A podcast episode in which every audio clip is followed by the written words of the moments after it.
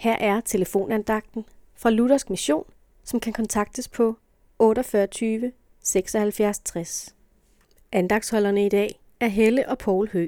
I Galaterbrevet kapitel 4, vers 4 og 5 står der, Men da tidens fylde kom, sendte Gud sin søn, født af en kvinde, født under loven, for at han skulle løskøbe dem, der var under loven, for at vi skulle få barnekår.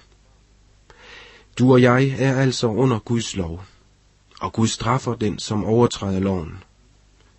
Gud kender dit problem, nemlig det, at du er under en lov, som du ikke kan overholde.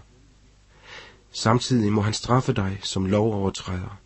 Fordi han er retfærdig, må han følge loven. Men Gud elsker dig, og han ønsker ikke at straffe dig. Derfor gav han dig også løsningen på dit problem. Løsningen er Jesus. Han blev født under loven, og han opfyldte loven gennem sit liv. Den eneste måde, du kan blive løst fra loven, er ved at dø fra den. Men da Jesus døde på korset, døde han fra loven i stedet for dig.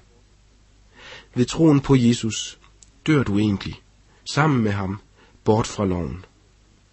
Det er derfor, vi som kristne kan sige, at vi er frie.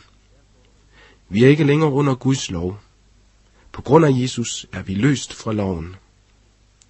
I Romerbrevet kapitel 7, vers 6 står der, Men nu er vi løst fra loven og er døde fra det, vi før var fanget i. Så at vi er tjenere i åndens nye liv og ikke i bogstavens gamle. Amen.